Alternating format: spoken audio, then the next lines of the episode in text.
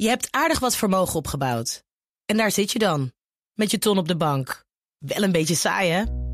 Wil jij, als belegger, onderdeel zijn van het verleden of van de toekomst?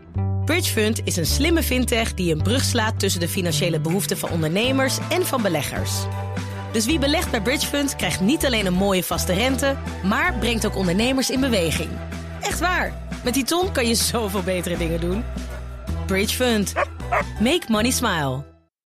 Van Jaap Jansen. Door de kabinetsformatie ligt Den Haag stil. Dat merken ze in Brussel ook. Nederland is een van de landen die nog geen voorstel hebben ingediend voor het Europees Herstelfonds. Een plan om versneld uit de crisis te komen. Nederland heeft als enige niet eens een conceptvoorstel.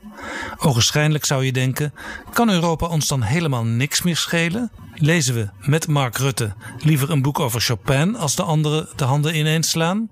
Zo zit het gelukkig niet. Ook een nationaal herstelplan ontbreekt nog. En het een ligt in het verlengde van het ander. De paradox is dat Nederland misschien wel het meest Europa-gezinde kabinet krijgt sinds lange tijd. Informateur Herman Tjenk Willink noteert in zijn eindverslag dat veel grote problemen een Europese dimensie hebben. En waar andere partijen zwijgen over Europa, of er alleen in negatieve zin over praten, noemen de fractievoorzitters van partijen die inhoudelijk waarschijnlijk verder gaan praten, in hun brief aan de informateur of in een gesprek met hem het belang van Europa vrijwel allemaal. Zo acht D66 versterking van de Europese samenwerking noodzakelijk en noemt het CDA geopolitiek en Europa expliciet in één adem. De Partij van de Arbeid bepleit een actieve Europese politiek en GroenLinks heeft het over een nauwe en constructieve samenwerking in Europa. De nieuwe fractie van Volt, die als nieuwkomer niet wil meeregeren, maar wel meedenken, vindt zelfs dat Nederland in de Europese samenwerking moet ambiëren weer gidsland te worden. De vraag is of we dat ooit geweest zijn, gidsland. In elk geval niet tijdens de drie kabinetten Rutte.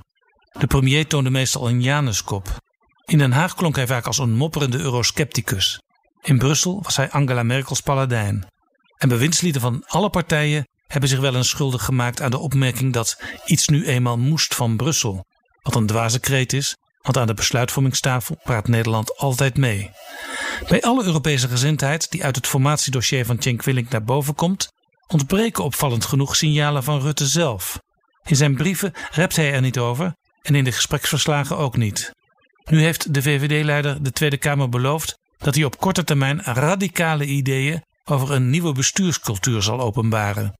En als je de verhoudingen tussen Kamer en kabinet herijkt, moet je ook kijken naar de relatie met Europa.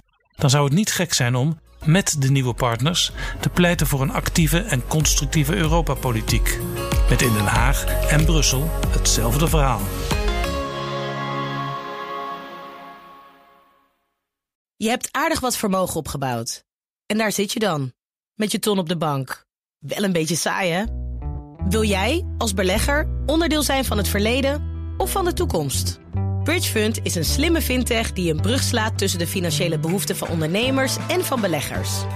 Dus wie belegt bij Bridgefund krijgt niet alleen een mooie vaste rente, maar brengt ook ondernemers in beweging. Echt waar, met die ton kan je zoveel betere dingen doen. Bridgefund. Make money smile.